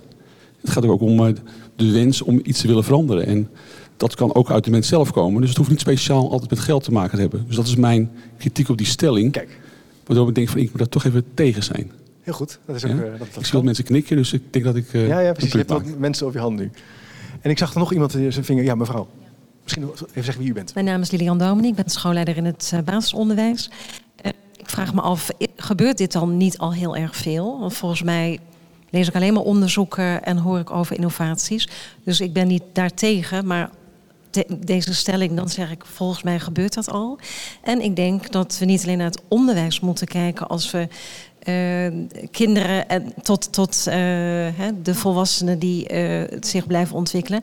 Maar ik denk dat we naar de hele maatschappij moeten kijken. Want onderwijs staat niet alleen, alleen, nee, die staat midden in de maatschappij. En ook daar zijn een heleboel zorgen, om dat zo te noemen. Mensen willen heel vaak wel ontwikkelen, maar kunnen alle mensen ook ontwikkelen? In, in de fase van, de van het leven waar ze zitten, met alle eventueel andere zorgen waar ze uh, hun aandacht aan moeten geven. Dus ik, ik ga even beginnen met het eerste punt. U zei van, gebeurt het niet al? Wie kan daar iets zinnigs over zeggen? Wie weet het antwoord op die vraag? Doen we dit niet al voldoende in Nederland? Investeren en on, in onderwijs en innovatie. Even aan de tafel, ja. Ga je gang. Nou, en het antwoord is nee. Um, kijk, de kracht van hoger beroepsonderwijs is dat het studenten en bedrijfsleven bij elkaar brengt en ook het bedrijfsleven wil innoveren. Doet dat met behulp van docenten, onderzoekers, et cetera. Dat is eigenlijk de gedachte achter hoger beroepsonderwijs. Zeker in deze tijd waarin die snelheid van innovatie omhoog moet. Als je dan ziet dat wij in het HBO één lector kunnen benoemen op 1100 studenten. Dan moet daar gewoon geld bij. Ook al door de commissie van Rijn aangegeven. Als je dat motortje op, gang wil brengen, moet er bij dat praktijkgerichte onderzoek geld bij. Want wij kunnen nu hele opleidingen niet voorzien van lectoren of uh, vakgroepen. Uh, dus dat is heel concreet. Dus ik ben het eens met de stelling. Duidelijk. Nog andere reacties? Wie vindt wie is het heel erg eens met de stelling? Zeg, ja, er moet inderdaad geld bij u. Stak u aan, ja, klopt dat? Nou, als ik kijk naar de dingen die uh, inmiddels genoemd zijn, bedoel, dan praten we dus over het ontwikkelen van een infrastructuur op het terrein van het aanbod. Ja. Uh, we hebben bijvoorbeeld, uh, werd net genoemd vanuit Delft, uh, de MOOCs. Bedoel, dat is niet gratis als je dat wil ontwikkelen. we moeten nog een heleboel meer te weten zien te komen over de didactiek van volwassenen. Werd net ook aangestipt van niet iedereen leert op dezelfde manier. Dus daar moet je ook kijken van wat is, wat is een effectieve manier. Dus dat zijn eigenlijk allemaal dingen waarvan je zegt, ja, dat weten we eigenlijk nog maar voor een deel. En wil je dat inderdaad doen? Bedoel, we hebben nu in Nederland nog betrekkelijk weinig postinitieel onderwijs. Als je dat wil uitbreiden tot bij wijze van spreken de schaal waarop we nu uh, initieel onderwijs verzorgen. Ja, zonder investeringen denk ik dat dat niet gaat. Duidelijk. Er zijn nog heel veel vragen waar we het antwoord nog niet op weten. Als het gaat bijvoorbeeld over didactiek. Bijvoorbeeld? Ja. Wie wil daarop reageren? Harry van der Graaf van het MBO Tilburg, Rode Pannen. Uh, misschien moeten we eens beginnen met te accepteren, of te erkennen moet ik eigenlijk zeggen, dat onderwijs nooit het, uh, de huidige ontwikkeling kan bijhouden. Meneer Philips kan dat wel, meneer Daf kan dat wel. Als het nodig is komen de nieuwste machines in zijn bedrijf te staan. Onderwijs kan dat per definitie niet meteen. Dat duurt enige tijd eer bij ons op school, in de beroepsopleidingen, de nieuwste machines binnen zijn gekomen. En zodra die binnenkomt, is hij weer verouderd. Dat is op zich niet super erg. Betekent ook dat de automonteur, als hij klaar is, na vier jaar of na drie jaar, dat hij eigenlijk weer bijgeschoold moet worden als hij gaat werken in het bedrijfsleven. Want ondertussen zijn die ontwikkelingen zijn verder gegaan. Dat gaat alleen maar harder en sneller. Dat is een feit, denk ik. Moeten we dan niet als, als beroepsonderwijs veel meer gaan samenwerken met het bedrijfsleven? Daar zit kennis, daar zit geld en daar zit bereidwilligheid. Je zegt dat die wedstrijd kunnen we nooit winnen, dus moeten we nog nauwer gaan samenwerken met het bedrijf. Dat gebeurt natuurlijk wel op heel veel plekken in het, in het beroepsonderwijs. Maar je zegt dat moet eigenlijk nog meer, nog nauwer. Een soort symbiose, een soort versmelting. Ja, ik loop even naar de andere kant. Ik wilde op reageren, misschien ook even zeggen wie je bent. Uh, Mijntje Spijker, hybride leerkracht, dus uh, PO-onderwijs en uh, MBO-docent. Ik wil ook heel erg pleiten dat het PO meer gaat samenwerken met het bedrijfsleven. Waarom pas bij beroepsonderwijs? Wij kunnen heel veel leren van het bedrijfsleven. En die kinderen zijn zo nieuwsgierig, die zijn nog gemotiveerd. Uh, ik wil meer mensen de klasse in die vertellen over wat zij hebben gedaan, hoe zij hebben geleerd. Om andere kinderen nieuwsgierig te maken. Alle kinderen. Er zijn sommige scholen ook wel huiverig voor. Die zeggen, nou, daar moet je een beetje mee oppassen. Wat, hoe, kan je een voorbeeld geven van hoe dat eruit ziet? Nou, het onderwijs, die, uh, zoals we ook hier zitten veel onderwijsmensen met goede intenties. Maar de verbinding met het bedrijfsleven moeten we niet bang voor zijn, volgens mij. Stelling ging ook over meer investeren in, het onder, in onderzoek. Um, wie wil daar nog op reageren? Uh, ik... Onderzoek is niet alleen een plek, dat kan op het MBO, practoraat, HBO, lectoren, het kan op de universiteit, promotieonderzoek, onderzoek. Nou, ja, het grappige is, ik ben op zich een eh, grote voorstander van kenniscirculatie. Dus ook bedrijfsleven eh, eh, aan boord halen eh, om ook ervaringskennis, voorbeelden, et cetera, in het onderwijs te doen. Terwijl we moeten ook niet vergeten dat het andersom is. Als we de toekomst willen maken, moeten we ook dingen doen die het bedrijfsleven nog niet bedenkt. Eh, eh, eind jaren 90 had nog niemand eh, eh, maakte gebruik van een, van een zoekmachine. Google. Eh, dat waren twee promovendi van eh, Stanford die nog niet eh, les hadden gehad van het bedrijfsleven, maar wel het nieuwe bedrijfsleven creëren. Dus we moeten ook zorgen dat we die toekomst nog steeds blijven maken en ook onbekende dingen doen die pas over tien jaar rendabel zijn. Maar ook onze mensen daar de houding en de vaardigheden voor geven om dingen te doen die nu nog niet bekend zijn. Ja. Dus ja, het is goed om het bedrijfsleven binnen te halen, maar als we ook leidend willen zijn in de economische ontwikkeling, moeten we ook eh, onze nieuwe talenten, ons onderzoek richting de buitenwereld eh, stimuleren. Het moet ook plekken zijn waar je kan experimenteren, kan nadenken, dingen kan uitproberen. Lijkt me wel, ja. Ja. ja. dus ik onderschrijf het helemaal. Het, eh, het, het voortbrengen van, eh, van, van de kennis ja, zit niet meer alleen bij bedrijven. In, eigenlijk in toenemende mate zit het niet bij bedrijven. De grote labs zijn gesloten geraakt. Eh, de, de hele beroemde labs zijn gesloten geraakt. En het is voor een belangrijk deel nu toch op een aantal high-tech eh, eh, plekken, high-tech campussen en op universiteiten wat er gebeurt. En vergis je niet, wij doen dat onderzoek niet alleen maar om de wereld in kennis vooruit te brengen. Maar je kunt mensen niet fatsoenlijk opleiden voor die ongewisse toekomst als je ze niet confronteert met de randen van kennis. Want daar is je laatste stap in ontwikkeling die je nodig hebt. Dus het is een hele belangrijke manier om jonge mensen, althans zo noemen we het in het initiële, om die de, de laatste stap naar zelfstandigheid en het omgaan met ongewisheid bij te brengen. Je noemde randen van kennis, wat bedoel je daarmee? Nou ja, de, het zijn de mensen bij ons die aan de quantumcomputer werken. Dat ding bestaat nog niet. En over tien jaar is hij er. En we zijn nu mensen aan het opleiden die snappen hoe dat is. Ja. En die daar eh, mee worstelen, die, die vragen tegenkomen. is een belangrijk kenmerk van de laatste stap in ons onderwijs. Dat is een vraag waar je kunt naar niemand toe om het antwoord te halen. En dat doet iets met je. En dat doet iets met de docent die je begeleidt. Die kan het antwoord niet geven, want het is er niet. Zolang ik het antwoord heb, komt er altijd een klein beetje van de oplossing richting de student. Maar het is er gewoon niet. Dus het is een heel belangrijk mechanisme om de laatste stap in professionals te krijgen. En dat is niet alleen voor de universiteit, dat speelt op het HBO met praktijkonderzoek, denk ik net zo. Ja, en ik wil overigens heel erg ook onderstrepen wat die laatste mevrouw zei. Dat we eerder die verbinding vanuit het VO naar het bedrijfsleven maken. In het rapport of in het stuk waarom we hier zitten vandaag staan er hele behartenswaardige dingen over een beroepsgerichte stroom in het VO. Eh, en ik denk dat dat heel erg nodig is. Er komen veel te veel jongens tegen, eh, vooral jongens moet ik zeggen, in het HBO die gewoon op uitstaan. En dat levert nou net die negatieve ervaring op die je later niet wil. En hoe komt dat dan? Omdat voor hen op een of andere manier de relevantie van wat ze leren en waarom ze leren, ergens in die bovenbouw van de HAVO verloren is gegaan. Eh, motivatie- en ik generaliseer nu, Nee, maar eh, het even- komt gewoon te veel voor in de statistieken om er rustig bij te gaan slapen. Kijk nog even om me heen of ik nu nog iets mis. Ja, ik zie, meneer, ik zie u lachen. Kijk of het... eh, Nou, daar wil ik even op reageren. Ik zeg het nu heel zwart-wit. Ik vind dat te veel hoger opgeleiden zijn. Maar dat bedoel ik, hoger opgeleiden in de zin van algemeen hoger opgeleid, terwijl ze eigenlijk beter aan de voorkant al meer in het beroep zouden hebben gezeten en met die cognitie die ze hebben veel meer kunnen bereiken. Want dan hadden we misschien wel meer vakmensen gehad. Ja, maar we, we- ik, u zult het allemaal weten, maar toch merk ik op te veel verjaardagen dat mensen het niet weten. Maar als je naar een HAVO, naar het HBO gaat of naar het VWO, naar de universiteit, ga je allebei een niveau 6 opleiding doen. Er is geen verschil. Het verschil zit hem in het praktijkgerichte en het wetenschappelijk gerichte. En daar moeten we veel vroeger op de middelbare school eh, helder maken. Ook op voorlichtingsavonden, heel concreet bij decanen. Eh, kijk even naar hoe je in elkaar zit en besef dan welke keuze je maakt. Nou, ik, ik hoop echt eh, eh, met dit in de hand dat we daar een paar stappen in kunnen zetten.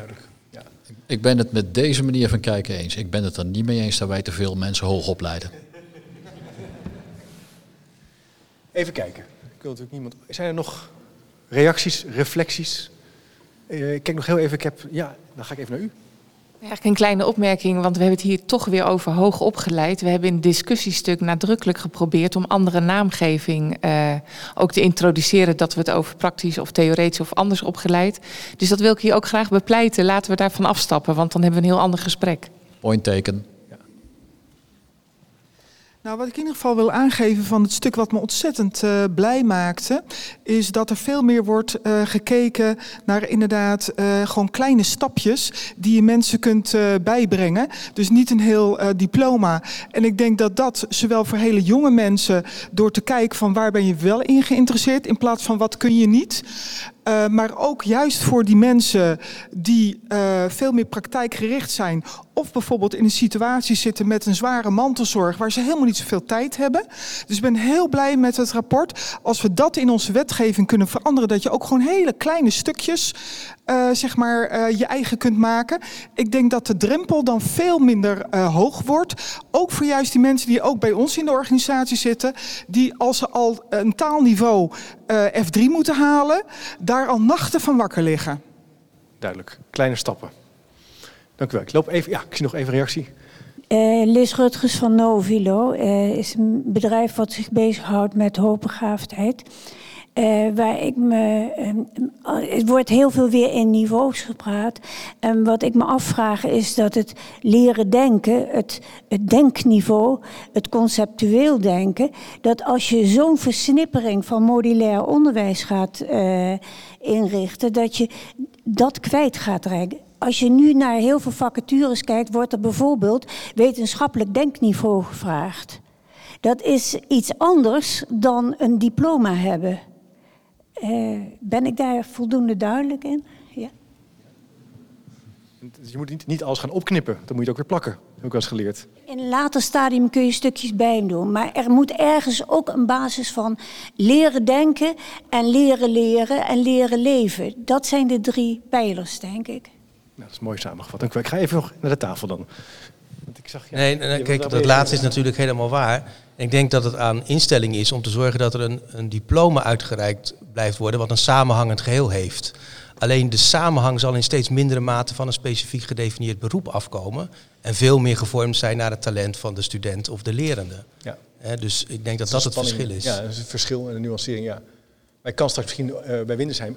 stukje uit een opleiding halen en één vak volgen zonder een diploma daarvoor. Ik ja, hoop het van harte. En dat je dan uh, in Delft het andere stukje gaat doen. doen. Ja. ja. Ja, ik, ik, ik, ik denk dat, hè, dus voor ik maak echt onderscheid tussen initieel onderwijs. Daar, daar wil je jonge mensen startbekwaam het leven insturen. Daar is het hebben van diploma's echt nuttig. Dat vervult een functie. Als je later op je 35ste, ja, voor mij hoef je geen diploma meer te halen. Je moet een portfolio hebben waarin je kunt laten zien wat je kan en hoe je je ontwikkelt. Ja. En dat je een stukje bij hun doet, een stukje bij ons en een stukje in het buitenland. I don't care. Duidelijk. Ik ga even terug naar Ivar. Ivar, we hebben drie stellingen behandeld. En ons idee was bij de vierde stelling het publiek te bevragen.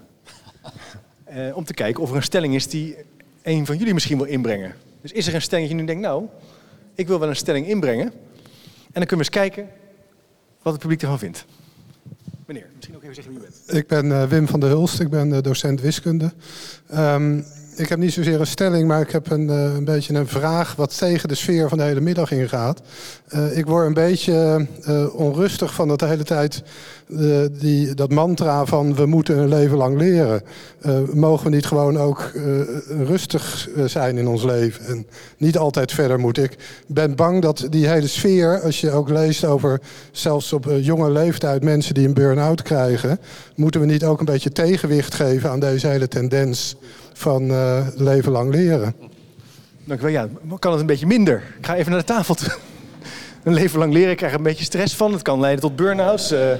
ja, dat, dat, is, even checken hoe we daar, dat is als je leren identificeert met uh, proefwerken moeten maken, tentamens moeten halen, moeten, moeten, moeten. Maar als het is op vrijdagavond ben ik moe, doe ik Netflix en op zaterdag ga ik iets leuks doen, dan is dat toch anders. Dus als je de regie kunt nemen over dat ja, ontwikkelproces. En, uh, en je niet hoeft te denken over drie jaar moet ik een diploma hebben. Dat, dat, ik ben het eens dat moeten moet eraf. Je moet het plezier eruit halen. Het is hartstikke interessant wat er overal gemaakt en gedaan wordt. En als je de vorm van leren anders maakt, de moderne vormen, dan voelt het niet als de hele tijd moeten. En het moet ook niet elke dag. Hè. Ik weet niet wat jullie elke dag doen. Ik doe niet alles elke dag. Een dagje niet leren. Dan ga je even ja, gewoon een dagje niks. Dat mag ook. Hoe kijk jij daarnaar? Uh, ik ben in een vorig leven uh, topsporter geweest en uh, je kunt alleen maar heel hard trainen als je ook heel hard rust neemt. Dus, ja. Kijk, er zit een ritme in. Oké. Okay. goed, maar dan ga ik nog even terug naar de stelling.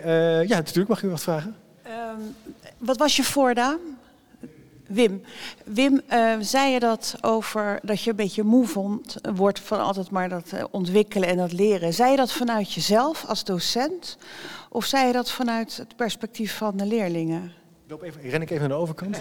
Dus kijkt u naar de leerling of zeg je van ik merk dat bij mezelf? Ja, ja nu. eh, Ehm, ik, eh, ik zeg dat vanuit wat ik zie aan eh, hoe leerlingen eh, dat ook ervaren. Hoe ze al op de middelbare school, waar ik dan mee te maken heb, al bezig zijn met. Ook moet ook een portfolio maken. Want ik moet voor mijn studie moet ik, eh, zorgen dat ik de studie kan gaan doen die ik wil. En eigenlijk wordt het op die manier eigenlijk een soort maatschappelijk probleem. Dat er een soort druk ontstaat van mensen moeten altijd maar meer. En ook wat net gezegd wordt van ja. ehm, je kan ook, eh, je moet er plezier in hebben. Maar je kan ook gewoon plezier in hebben om iets te doen wat je al tien jaar doet, zonder dat je eh, verder moet. Dus eh, de hele cultuur, of de hele druk die er nu ontstaat van we moeten maar verder en, en het, het hoort dat je altijd maar verder gaat. Daar wil ik wat tegenwicht tegen bieden. Dank u wel. Ik kijk nog heel even verder. Op basis van. Want het punt was, ik wilde graag een stelling verkennen. Ik vind het op zich ook wel aardig dat jullie niet aan de opdracht houden. Eh, dat mag natuurlijk. Maar even kijken of er nog een stelling is die we nog met elkaar kunnen tackelen. Meneer. In het volgende regeerakkoord moeten eh, afspraken gemaakt worden over een dekkend stelsel eh, wat mensen leerrechten geeft en dus ook de bijbehorende financiën van de wieg tot het graf. Dekkend stelsel in het volgende akkoord. Wie is daarmee eens? Wie vindt, nou, dat zou wel mooi zijn als dat gaat lukken. Oeh. Ja, ik zie kleine, een kwart, derde. Ja, op zich gaan er wel wat handen. Het is een, een, een beetje een spannende stelling, denk ik. Wie zegt, nou, dat eh, moeten we maar niet doen. Gaat het nooit worden. Of onthoudt, onthoudt zich van stemming, dat kan volgens mij ook. Ja.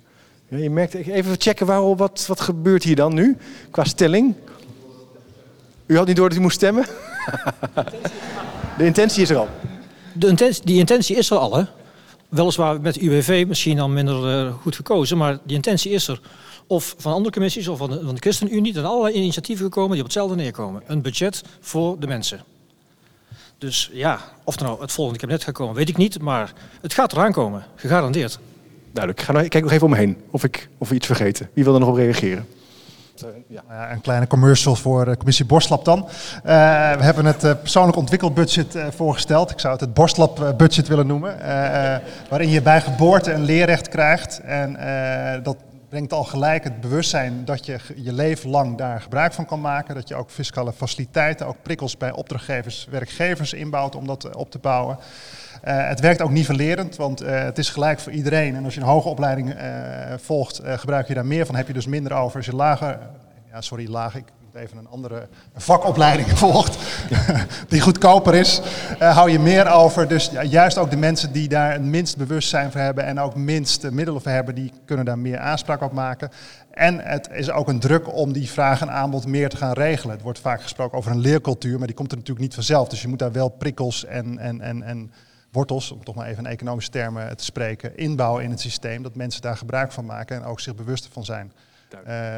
Er zijn eigenlijk al heel veel goede ideeën de laatste 10, 20 jaar in Nederland, maar het dreigt een beetje een levenslang leutere discussie te worden. Dus laten we dat nou, alsjeblieft een keer doen. Dan gaan we bijna afronden. Ik wil even naar...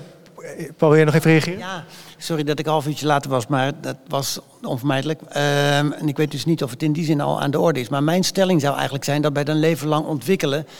ehm, dat misschien de grootste uitdaging niet is het creëren van het aanbod... eh, eh, ja, niet het creëren van het aanbod, maar juist het ontwikkelen van een leercultuur opdat het ook geaccepteerd wordt dat er van het aanbod gebruik gemaakt wordt, zeg maar. En toch was het zo dat, hè, vroeger was het zo als je een leervraag had, had je een probleem. En eigenlijk zou het zo moeten zijn dat als je vandaag de dag geen leervraag hebt, dat je dan een probleem hebt. Maar zover zijn we nog niet. Mooi, dankjewel. Ja, hoe ga je dat op gang krijgen? Wilt u erop reageren? Ja, ik wil wel aanvullen, want we zijn wel heel erg bezig vanuit systeemdenken en we gaan budgetten voor mensen waarbij we de reguliere onderwijs kunnen betalen, want daarmee onderhouden we het systeem zoals het is. Maar feitelijk wat, wat er aan de hand is, is dat we het leren onvoldoende waarderen. Eh, ik zou het liefst mijn studenten betalen voor het feit dat ze een inspanning plegen voor ons als samenleving. Daar hebben we het nooit over. Dus waarom betalen wij studenten niet? Want ze doen iets voor de samenleving om uiteindelijk te ontwikkelen. Creëren van de vraag en studenten gaan betalen. Nou, Ivar, eh, je bent nog een paar maanden student. Wie weet. eh, spa- spannende stelling. Ehm, ik zit ook een beetje naar de tijd te kijken. We zijn aan het eind gekomen van... Kunnen, kunnen wij nog reageren? Dialoog? Ja, ik wil nog even een laatste reactieronde. Wij eh, betalen onze studenten als land grof. We gaan bakken met geld Ja. in. Dus dat is, dat is er al. Dat ze het niet in hun portemonnee zien, is een ander verhaal. Ja. Ik Maakt het ook mogelijk. Ja, maak het ontzettend mogelijk. En ik geloof dus ook niet dat het een goed idee is om leerrechten te koppelen aan die je eh, in je leven hebt. En als je ze op hebt, heb je pech gehad. Vind ik een rare manier van kijken. Dat doen we nu ook niet. We zeggen niet. eh, het, voor mij is een belangrijk element van hoe wij met leren en onderwijs omgaan, is dat wij mensen kansen bieden. En dat is superbelangrijk in onderwijs. De opdracht die ik als onderwijsinstelling heb, is om iemand die binnenkomt van A naar een beter punt B te brengen. Daar is de hoofd wat ik moet doen. En dat permanent vereconomiseren vind ik een hele linker manier van naar onderwijs kijken. Het gaat toch om mensen. Niet meer zo jongen als we het over het, eh, het leven lang leren hebben, maar daar gaat het om. En kun je nog reageren? Nou, nou, ik was benieuwd of de commissie Boslab ook sommen heeft gemaakt. Want nu heeft elke Nederlander echt het recht om tot en met een master te studeren. Hè, voor een grotendeel op kosten van, eh, van de gemeenschap. Als je dat iedereen op zijn rekening wil storten. eh, ik denk niet dat jullie die sommen gemaakt hebben. Gaan even kijken. Ja, maar dat is eh, denk ik een denkfout om eh, eh, budget voor onderwijs en onderzoek als een kost te zien. Eh, onze veronderstelling is, je hebt gelijk dat we dat niet hebben gemeten, maar dat het ook een investering is in productiviteit. Dat als we die niet doen, dat we dan over x jaar eh, minder verdienen en dus ook eh, minder belasting betalen. En dan gaat het hele cirkeltje van eh, een 21ste of 22e eeuwse welvaartsstaat niet meer werken. Dat is argument 2 om niet in een eh, beperkt setje leerrechten te denken. Ja. Ik vermoed dat we nog wel even kunnen doorpraten. Ik denk voor nu, het is bijna vijf uur. Ehm, ontzettend eh, boeiend om met jullie in grote getalen zo in gesprek te gaan over de toekomst het onderwijs. En dit thema te verkennen. Er is veel gezegd, een aantal stellingen verkend. Ehm, mocht je nou nog denken, is iets ik heb iets niet gezegd, ik wil nog even aan tafel komen, dan kan dat. We gaan ook hier nog even rustig napraten.